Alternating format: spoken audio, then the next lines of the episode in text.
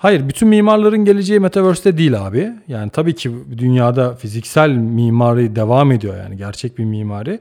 Metaverse mimarisi de ama önemli çünkü insanlar bizim yaptığımız işteki gibi hayal ediyorlar ve Metaverse'te mekan, sanal mekanlar e, tasarlamak istiyorlar. Biz tabii bunun öncüsü olmaya çalışıyoruz dünyada. E, bu konuda da hani ilerlemek isterseniz hani zaten Atlas Space'e her zaman yani bekleriz. Biz burada böyle bir ekip, inanılmaz bir kolektif ekip olarak çalışıyoruz. Hatta çok fazla da stajyer alıyoruz.